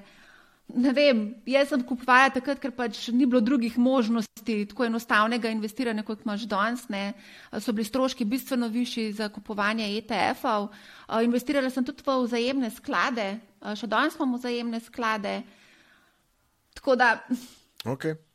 Se pravi, te, ne, eh, te ni strah v vzajemnih skladih eh, tele um, upravljalske provizije, da te bo preveč uh, strah me ni, uh, se zavedam, kakšna je, približno 2%. Vstopni stroški so tudi uh, pri teh eh, odstotek, se mi zdi, v vzajemnih skladih. Um, ja, v bistvu z vidika upravljanja, tako ko gledaš, ja, je mal, nisem. Je ETF z vidika veliko bolj cenovno ugoden produkt, ampak lej, poznam pa tudi kar precej uh, ljudi, ki se ne želi ukvarjati z odpiranjem trgovalnih računov, z napovedovanjem uh, davkov in podobno. In to je Tako najbolj da simpel v vzajemnih skladih. Pravijo, ja, da je najbolj simpel v vzajemnih skladih. Ja. Zdaj, uh, moram priznati, da se na mene obrača izredno veliko žensk, starih tam okrog 40, 45, 50 let. In pravijo, ne, mi nočemo, nočemo investirati v ETF-e, ne da se mi s tem ukvarjati, sploh mi ne omenja ETF-ov, samo povej mi, kaj ne naredim z vzemnimi skladi. In načeloma grejo, recimo, imajo 10-20 tisoč evrov in potem nekako razpršijo uh, pri, pri teh vzajemnih skladih. Jaz vedno svetujem, da izberejo družbo za upravljanje, ki ponuja cel spektr uh, vzajemnih skladov, se pravi uh, de, ma, uh, denarni, denarni sklad, obvezniške sklade in delniške sklade. Se pravi, da se ti lahko premikaš levo-desno znotraj te davčne oaze, ki, rečemo, ki mu rečemo, kot rečemo, krovnemu skladu. Se pravi, ti znotraj uh, teh svoje investicije v, v vzajemne sklade uh, skačeš um, iz sklada v sklad. Mislim, lahko skačeš, ja. se Ne, ne vem, ko- da, da lahko. Me zanima, če ti recimo tako. A jaz? Ja. Uh, ne, jaz v bistvu še nisem nikoli preskočila. Aha, okay. ja. Uh, imam pa v bistvu sklenjen vrčevalni načrt, ki sem A. ga sklenila ne vem koliko let nazaj, že kar nekaj časa. Um, plačevala sem pač vsak mesec neki denarja not in to je to. Okay. Jaz sem podobno za, recimo, za Tamauga, takrat sem, sem prvič akcijo naredil od tega, da sem prej full dolg, uh, ne vem, kva vse bom, pa pa kaj je Tamau, pa kaj je v bistvu. Uh, Babi hotla, da bo pač nekaj, pa sem pa, ok, ne, ne, ne, on pa ne bo delal moje napake, on pa ne bo imel sam denarja na računu, ampak um, sem, sem odprl isto tako en vrčevalen račun. Ja. In je, tako je boljš, ne.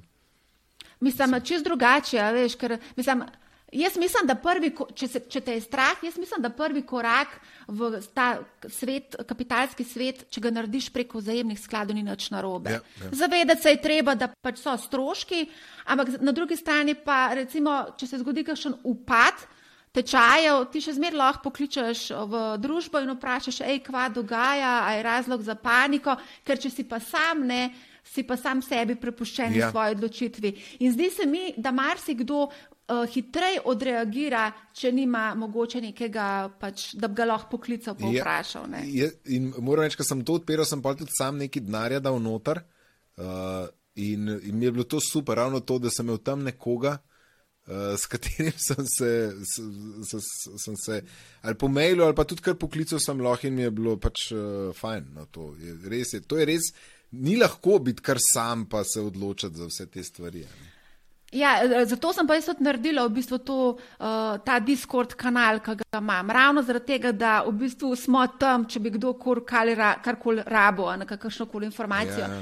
In moram priznati, da se je izbrala ena taka ful simpatična družba ljudi, ki v bistvu si zelo med sabo pomagajo z raznimi nasveti. In je top, ne, da imaš v bistvu možnost. Um, opazil sem pa tebi tudi nekje, da, pardon, da si umenila slovenski Fire uh, na Redditu. A je Fire? Ja, sej se mi zdi, da so kar precej dobili tudi uh, novih članov. Uh, ja, tudi slovenski Fire obstaja na Redditu, ker v bistvu zelo veliko ljudi sprašuje različna vprašanja, veliko se jih tudi ponavlja. Fire pomeni, um, da mi pomagaj.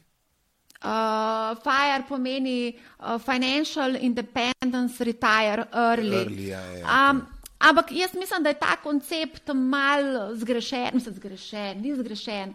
V bistvu bazira na tem, da se ti v bistvu odpoveduješ marsičemu v življenju, zato da dosežeš ta Aha, financial independence. Za, za, zelo, zelo uh, rekel, skromen način lajfa.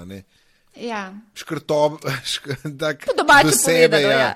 Ja, ja, ja. Pa v, v Sloveniji se mi zdi, da zelo težko uh, se, retire, se upokojiš uh, zelo zgodaj. Mislim, še vedno. Ne vem, se mi zdi, da moraš nekaj delati, zato da prideš do tiste Ja. yeah. penzije, ki si tako plačeval prispevke. Ne? ja, ja se strinjam, se strinjam. Okay. Ne, vem, ne vem, če poznam kakšnega, ki bi se zelo zgodaj upokojil. Tiste, ki pa poznam, pa recimo imajo neko zaledje finančno, vsi nekaj delajo, niso tisti, da bi ležal na kavču pa nič delal. No? Moram okay. priznati, da so zelo, zelo aktivni. Cool. Ampak ravno ta FIRE koncept, uh, mogoče se ne strinjam čez vsem, ne, mi je pa všeč to, da v bistvu poskrbiš za finančno uh, svobodo, neodvisnost. Ta finančna svoboda je zelo zlora, zlorabljena besedna zveza, no, moram priznati strani raznih gurujev. Jaz rej rečem, da, se, da imaš možnost svobodnega odločanja, ne, da nisi ujetnik kreditov, slabih odnosov, slabe službe in podobno, ne, da si sposoben v vsakem trenutku življenja reči, jaz sem pa dovolj, tako si ti rekel, za služba, pa jaz konc koncev. Ne. Ja, ja. Okay. Ja, mislim, to, jaz sem tudi, pač, malo, malo sem bral te stvari tam, na, na, pa je res zanimivo, koliko, v kakšne detajle se gre pri, recimo, jaz sem se najbolj najdel, jaz imam relativno star avto, ki me vsi um, pač se norca delajo iz tega. Ne? Ampak jaz sem to, po mojem, sem že enkrat to od Vorena Buffeta prebral, da pač v neke stare, da kupuje avte na kilo, ne se pravi, evropski avti so v Ameriki, pač uh, je lahek avto, ampak je pač noro drag, uh, te, te škatle njihove so pa pač. Dobiš velik za, za malo denarja, v glavnem, in da dolg, da najbolj pomemben je, da dolg uporabljaš avto. In jaz pač se tako obnašam, pa tudi pa sem malo zračunal, da, da je res. Ne, sem, um, in tam noter je podoben, ne, da grejo v take detajle, kako prešparati par avtomobilu, da je, da je, da je res, da, da, pol, da sem jaz videl, da, imam, da je še veliko bolj, um, kako bi rekel, norih ljudi od mene. Mislim, pa se avto je, mislim, sam da ga zapelješ ven iz salona, je že zgubil na vrednosti. a ne, Mislim, ja, ja, to je ja. dobro. Ne bo za avtomobilih, ne verjetno več veš o tem, ampak Ne, dejansko ne, to. ampak sem tako pač zelo simpel, pač, da pač moraš dolgo uporabljati tu na avto, ne, je to najbolj simpel. Ja, res je. Pa šparati za novega, da ga boš kupoval s kreditom ali pa z leasingom. Ja, ne, oh, da, s- ne, ne bi šel tja, ker tega sploh ne, nikoli nisem razumel. Um, ampak ja, ok.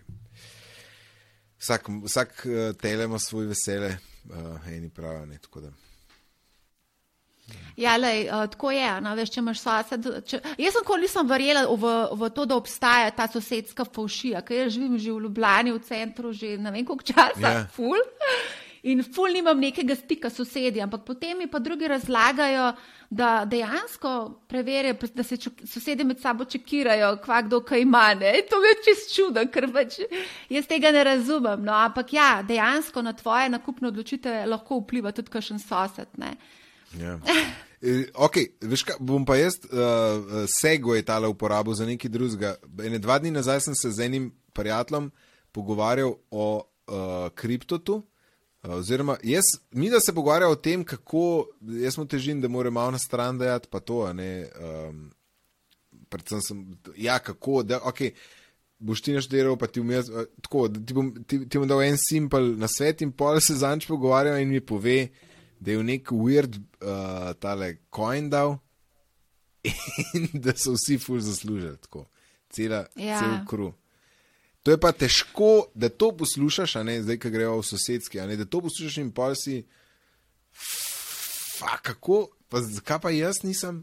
Zaradi tega, ker je on gamblal, to je čisto gamblanje, Ja, razumeš? ja, ja. To je čisto špekulativna naložba oziroma naložba, to je gamblanje. A veš, s temi dolžkojni in drugimi. Ja, ja, nek, nek ta, neki še bolj bizarnega od doška. Ja, se- zdaj en drug kar- pes je rekel, da je. Ja. Ja, dobro, zdaj jih je kar nekaj že. Ne, da, um, ja, jaz sem tudi ta vikend se pogovarjala z enim fantom, ki mi je povedal, da je na kriptu zaslužil 100 jurjev in da je odplačal kredit. Bam. Um, in pa sem ga vprašala, zakaj vas odplačal kredit, se krediti so pa ja pocenne. In mi je rekel, pazi to, rekel je, da če ne bi imel cilj 100 jurjev, da verjetno ne bi pobral Ven. ven in bi zdaj imel 50 postov manj. Dej mi to pomaga, zdaj. Evo, to je pa se mi zdi genijalen. Uh, le, je to, se pravi, uh, bila je tudi debata tukaj, da so imeli že ful več, pa da niso šli ven. Ja. Se pravi, je imeli so že, pohlep. da je cela ekipa imela ful več, pa ni šla ven. Vsak zase. Ne? In pa so se z ženo pogovarjala ne? in rekli, ja, zakaj niso ven pobrali. Sem rekel, Ja, ampak jaz sem rekel, pa lej, sej, če se ti postaviš v un trenutek, kjer si, se težko rečeš, ne? težko je simbole za nazaj govoriti, ampak so vzrastali je iz recimo iz parih jurjev na sto. ne? In pol si zdaj ti na sto, in kako ti veš, da ne bo šlo to na milijon, kar v pravem trenutku od doškojna. Ne? Se pravi, če bi šlo na milijon, bi se te pošele po glavu, če bi šel ven. Zdaj, kaj pa Ja. ja. padlo nazaj na 20, uh, ali pa ne vem, ne, če, če še zmer bilo, Manj. recimo, ne, uh, uh, iz parih ur da na 20, mislim, se pa isto tepeš po glavu. Se pravi, v vsakem Ja, primeru se tepeš po glavu. Ma ja, ne, to, to so. Borba se bije v tebi, kaj naj zdaj naredim, naj prodam ali naj ne prodam.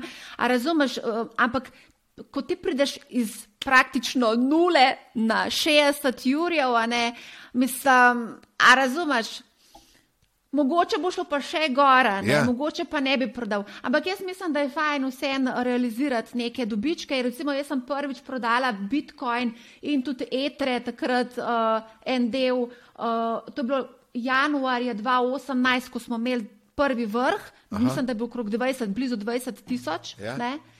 In sem rekla, evo, super sem naredila, ne.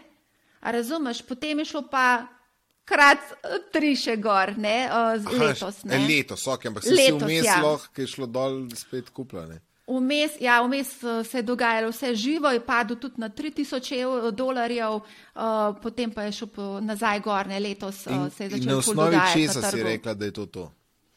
Um, začutila sem, da je enough. Ne morem A. biti tako pohlepna. Pa da naš misli, tudi Teslo sem prodala in tudi Zoom sem prodala. Zoom sem zelo dobro prodala, to sem zadela 540, je bil takrat na rekordu. Zoom delnico. A zoom, aha, to, kar smo imeli. Ja, za- ja, ja. ja, ja, ja. Wow, A, ok. A veš, ko, ko ti narediš, pohlepen si, a razumeš, in se moraš ustaviti, moraš reči ne, enough. A Okej. veš, moraš biti zadovoljen s tem, kar si naredil. Ne, ne moreš biti pa tako um, res. Um, sem pa recimo zač mi razlagal en fant, da hoče biti bogat in da hoče imeti v centru stanovanje uh, Ljublj, uh, v Ljubljani, v centru flat. Ne? Prav. In da on ne bo prodal. Ok. Ampak verjetno, mogo- mogoče mu je pa zdaj malo žal, ne, da mogoče vsaj del ni realiziral. Ja, ne, sej, zanče dober rekel tudi pri tebi, uh, Damjan Merlak, da on že nastavi, ko kupi te opcije, že nastavi, pa koliko bo prodal in se sploh ne ukvarja s tem, Ja. kaj pa če je zamudil še krat peta. Ne. To mi je bilo tudi, wow, wow koliko si ti strong, koliko močen možgan je pa to. Pa se to ni niti tako strong, to je vse naštimano, razumeš, in potem se izvrši in je to to. ne. Ja. Uh, bolj, bolj strong se mi zdi, da moraš biti, če nimaš tega naštimanga. a ne. Ti si moraš v glav reči, da ko bom prišel do 100 jurjev, ma to, če bo šlo še naprej, I don't care, jaz bom prodal, zato da bom poplačal kreditne. Ja, ja. To je v redu, to je tistne. Se moraš cilje, bodi si je to uh, 20 let vrčevanja za pokojnino, bodi si to nek, kot očitno uh, neko številko, ko bom prišel vem, do 100 jurjev, bom prodal zato, da bom nekaj naredil, ne vem, whatever. Ne. Kaj pa, uh, zdaj si omenjala Teslo, pa Zoom, pa uh, še neki. To, je, uh, to so začimbe ali je to baza? A, ne, to ni baza, to so začimbe. To so začimbe, ok. To so okay, začimbe, okay. ker pri pr teh delnicah Ana, je pa potrebno res še malo več znanja meta, ne? ker pač je treba, to so specifične naložbe. To je kot da bi investiral vse v. A veš, en flat na 100 tisoč evrov investiraš v en flat, pa ne veš točno, yeah. Ja. čeprav ni naložba primerljiva, ampak hočem ti povedati, da je to v bistvu. Ja, okay hočem samo to povedati, da tvegaš veliko, če investiraš Štekam, ja, vse ja. v eno. Uh, ne, ne, se tako me zanima, ni, ni to bil del nek portfelja. In se pravi, uh, kad te delnice kupuješ posamezne, pol vedno imaš tudi nek exit strategy, veš, enkrat došla ven. Uh, načeloma imam pripravljeno strategijo. A si napišeš, uh, da bo šla ven, vem, kupila par 50, grem ven par 80. Um, načeloma, jaz bom tako rekla, da s temi naložbami, ki jih imam, sem dolgoročni vlagatelj, nimam namena za neki trgovati s tem, ampak to je moje osebno mnenje. Um, ko pa vidim, da gre neki tako v nore države, ja. ja, takrat, takrat pa naredim malo revizijo, pa uh, prodam, recimo Tesla, zum sem prodala um, in reinvestiram potem v druge naložbe. Okay. Ampak res, to so pa že malo bolj specifične. Jaz ne vem, če bi šla takoj na začetku kupovati posamezne uh, delnice. Mislim, da si bila jasna, da najprej baza, pol pa pol treba brat, pol, um, ja, pol, pol pa, pol pa lahko, ki se začinaš. Ne. Zdaj, če tebe kakšno podjetje ful zanima, pa da ga spremljaš, mogoče, ja, pol v začembi ja, ti dodajaš. Ja. Ok, kul. Cool. Ja. Um, Zadnja. A so na peti, stvar. peta stvar. Peta stvar je, pri meni se to skozi dogaja, to je revizija, prilagajanje, ponavljanje. Revizija. Vse skozi, vse skozi se je treba izobraževati, učiti, gledati svoj portfelj, ne za vsak dan, pa pa ničart, če pade za 5% ali pa 10%. Uh, revizija je odvisna, to so te cilji, ki si jih zastavimo. Um, a smo že blizu celja, kako delač smo, kaj se dogaja, koliko je odstopanje od tistega, kar mi želimo, uh, kaj moram narediti, zato da bom nazaj na, um, na poti do dose za dosego uh, cilja.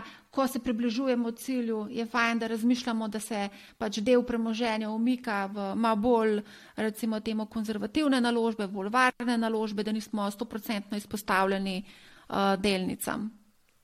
Okay.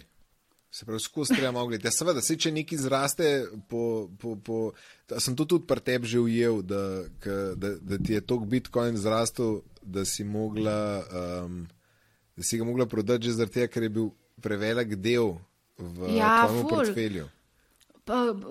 Rukne ti čez. Dobro, se, to so in... sladki, eh, sladke težave, ne, ampak vseeno. Ja. Ampak se to je del tega, no, če te prav razumem. To je del tega, ja. ja. Um, pač vem, kaj hočem, vem, kam grem. Ne, uh, in tudi vsak preseb mora v bistvu si zastaviti, nekak, kaj hoče v življenju doseči, ne, kaj še je njegov cilj, uh, koliko je pripravljen tvegati. Zdaj niso vsi uh, nagnjeni k tveganju. Imaš cel kup ljudi, ki pač ne želi tvegati. Oni pač lahko izberejo neke malo manj tvegane naložbe. Uh, ni mus, da grejo v delnice, v delniške uh, investicije. Ne. Lahko izbereš recimo kakšne mešane sklade ker imaš kombinacijo delnica, obveznica. To je tudi opcija. No? Ja, ja ok.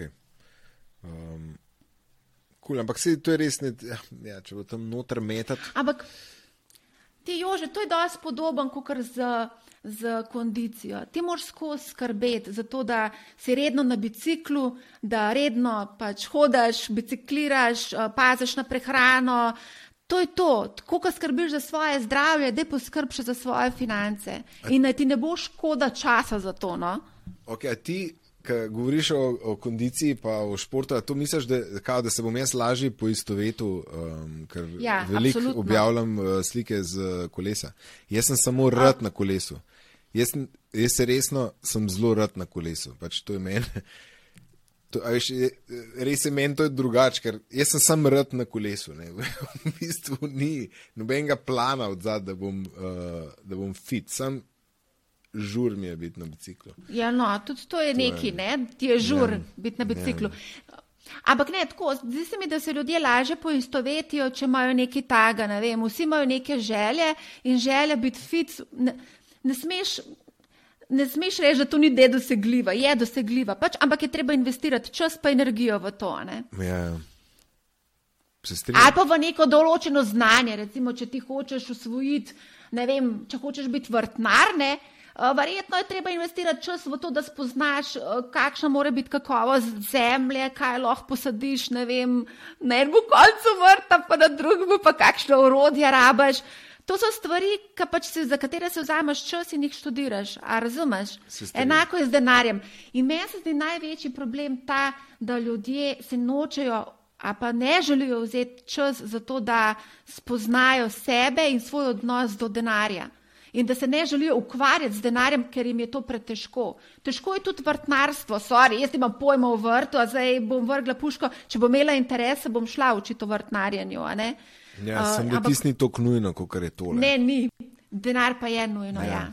Pa, pa zdi se mi tudi tako, ko greš nekam po finančni nasvet, bodi se to v banko, zavarovalnico, bo k finančnemu svetovalcu, pač pri nas jih ni neodvisnih, so samo finanč, prodajalci finančnih produktov, je treba vsaj približno vedeti, kaj hočeš, pa kaj nočeš, ker drugače ti lahko prodaja vse živo. Recimo, Slovenci smo naredili eno tako dosti klasično napako, ko smo se odločili za posojila vezana na švicarski frank. Osnovno pravilo osebnih financ je, zadolžuj se v valuti, v kateri prejemaš plačo. Lej, jaz sem Ampak se kregal s svojimi kolegi, ki so to imeli. Jaz, bil, kako, jaz ne razumem, zakaj imate to. Ja, ampak, veš kaj so meni rekli? Ja, ampak nam so na banki rekli, da je to zdaj najbolje. Ja. Sem, jaz, Ja, mislim, da, banki- jaz mislim, da to tudi ni prav. Jaz mislim, da če v, v državi, kjer imamo to tako urejen, da je za vzajemni sklad, a veš, koliko je enih pravil za to, da je za nepoučenega vlagatla lahko en produkt, jaz mislim, da v, ta, v taki eh, jurisdikciji ne bi smel, bi mogle banke odgovarjati za to, da so, da so priporočale take um, kredite. Se banke priporočajo, banke priporočajo marsikaj, kar v bistvu mogoče niti ni najbolje za nas. Ne? A veš, oni imajo celo paleto produktov, Je. enako zavarovalnice. Uh, in ti moraš vedeti, da če ti nekdo usiljuje nekaj, da se moraš ustaviti in vprašati, zakaj ti to zdaj meni hočeš prodati, na kaj imaš ti od tega in kaj bom jaz imel od tega. Ja, ja. Vedno se moraš to vprašati. Ne? Ja. To je, se pravi, praviš, da ni neodvisnih finančnih, se pravi, vsi, ki imajo na vizitki napisan finančni svetovalec, je v bistvu prodajalec enega finančnega produkta. Ja, vsi prodajajo finančne produkte. Oni živijo od prejemanja provizije, ker so prodali nek finančni produkt. Jaz sem- Oni ne morejo živeti od finančnega nasveta, ker ga težko prodajo. se, ampak to je pa tudi problem. Ne? Tako kot je podoben, recimo, z, uh, zdaj smo že malo zašla, ampak tukaj je podoben. Um, ljudje niso zares pripravljeni plačevati za video vsebine, ker je na YouTubu vse za ston, a ne? ampak ni za ston, zato se je pa pač zgodilo influencerstvo, kjer vsak prodaja nek uh, en sladoled ali neki notar.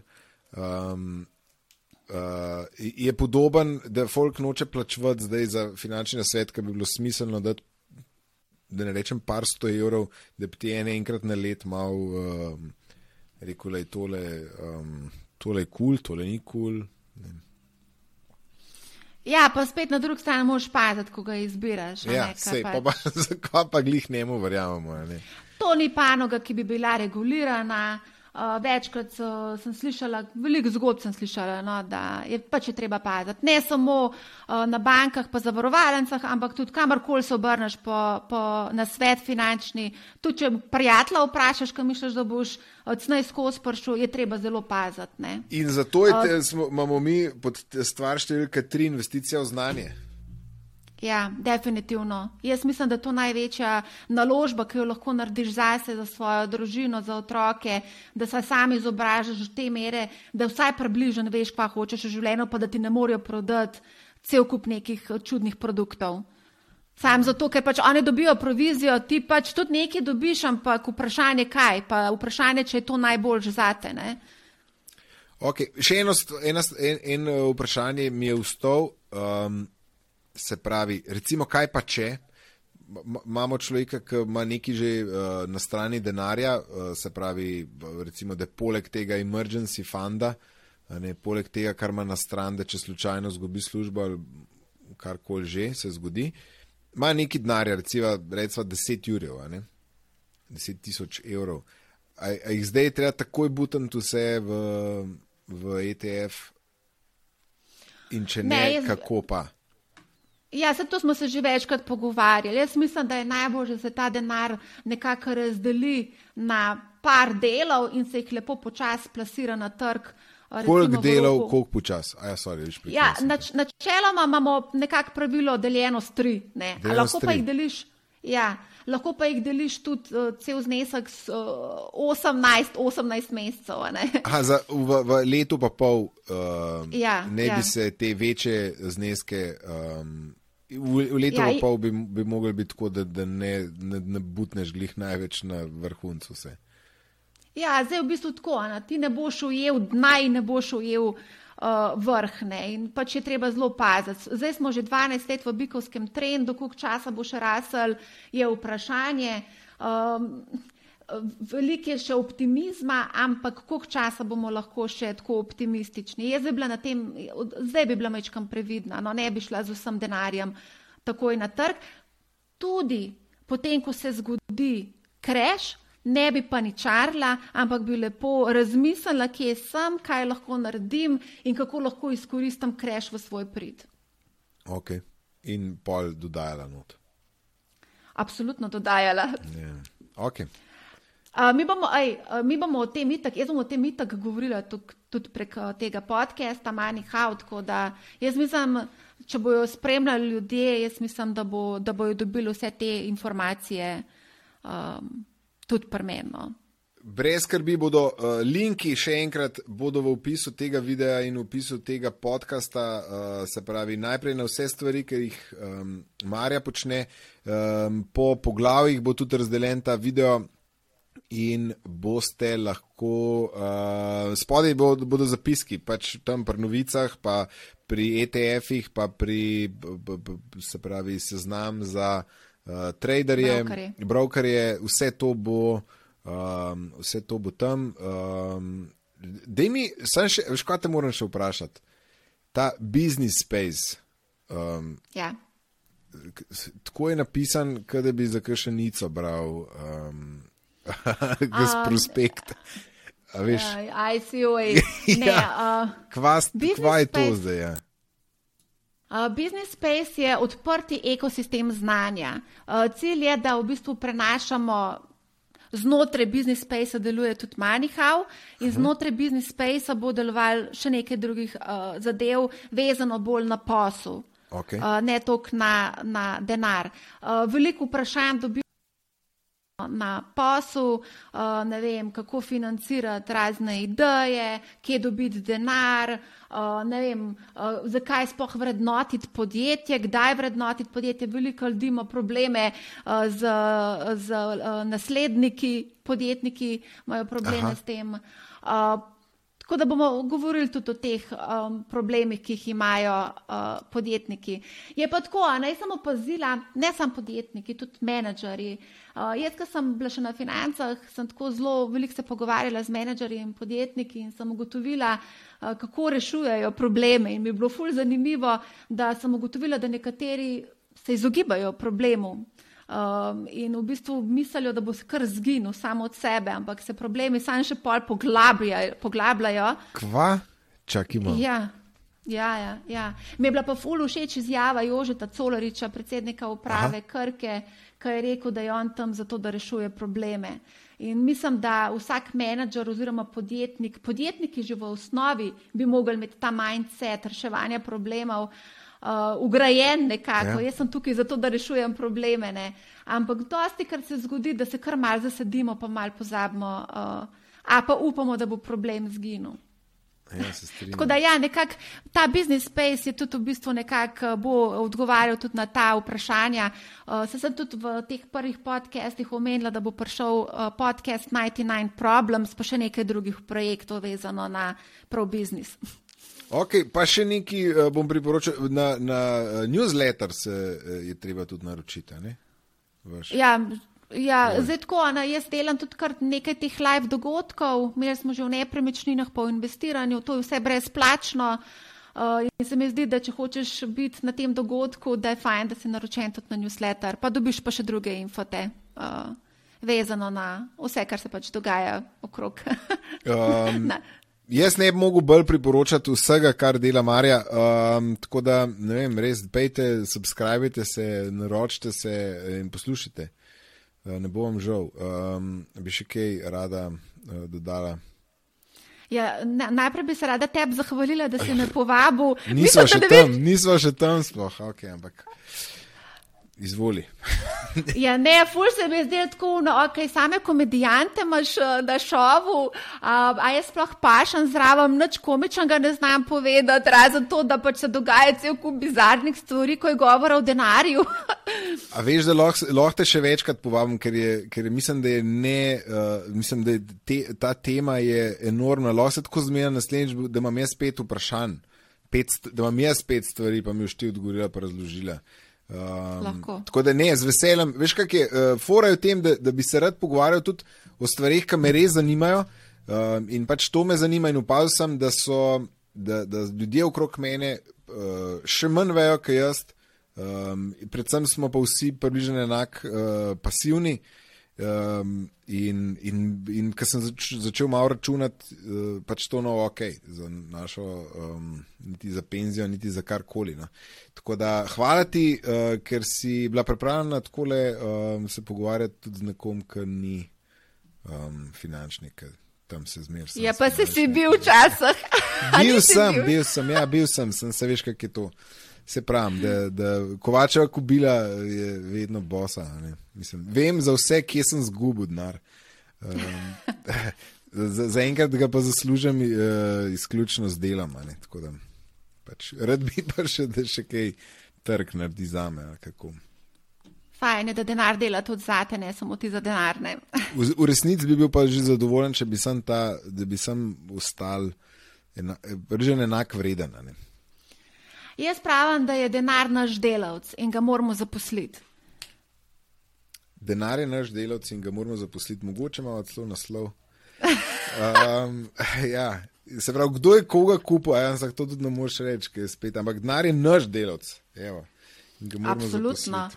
Ti si trdo delal zato, da si ga zaslužil in da ga tako zanemarjaš, da ga puščaš na banki, je grdo Ja, od tebe. slab človek sem. okay, uh, Marja, hvala ti. Um, super pogovor je bil, upam, da, da, da bo še kdaj tako uh, debatirala. Hvala tebi in z veseljem, z veseljem. Hvala ti. Ajdi, čau.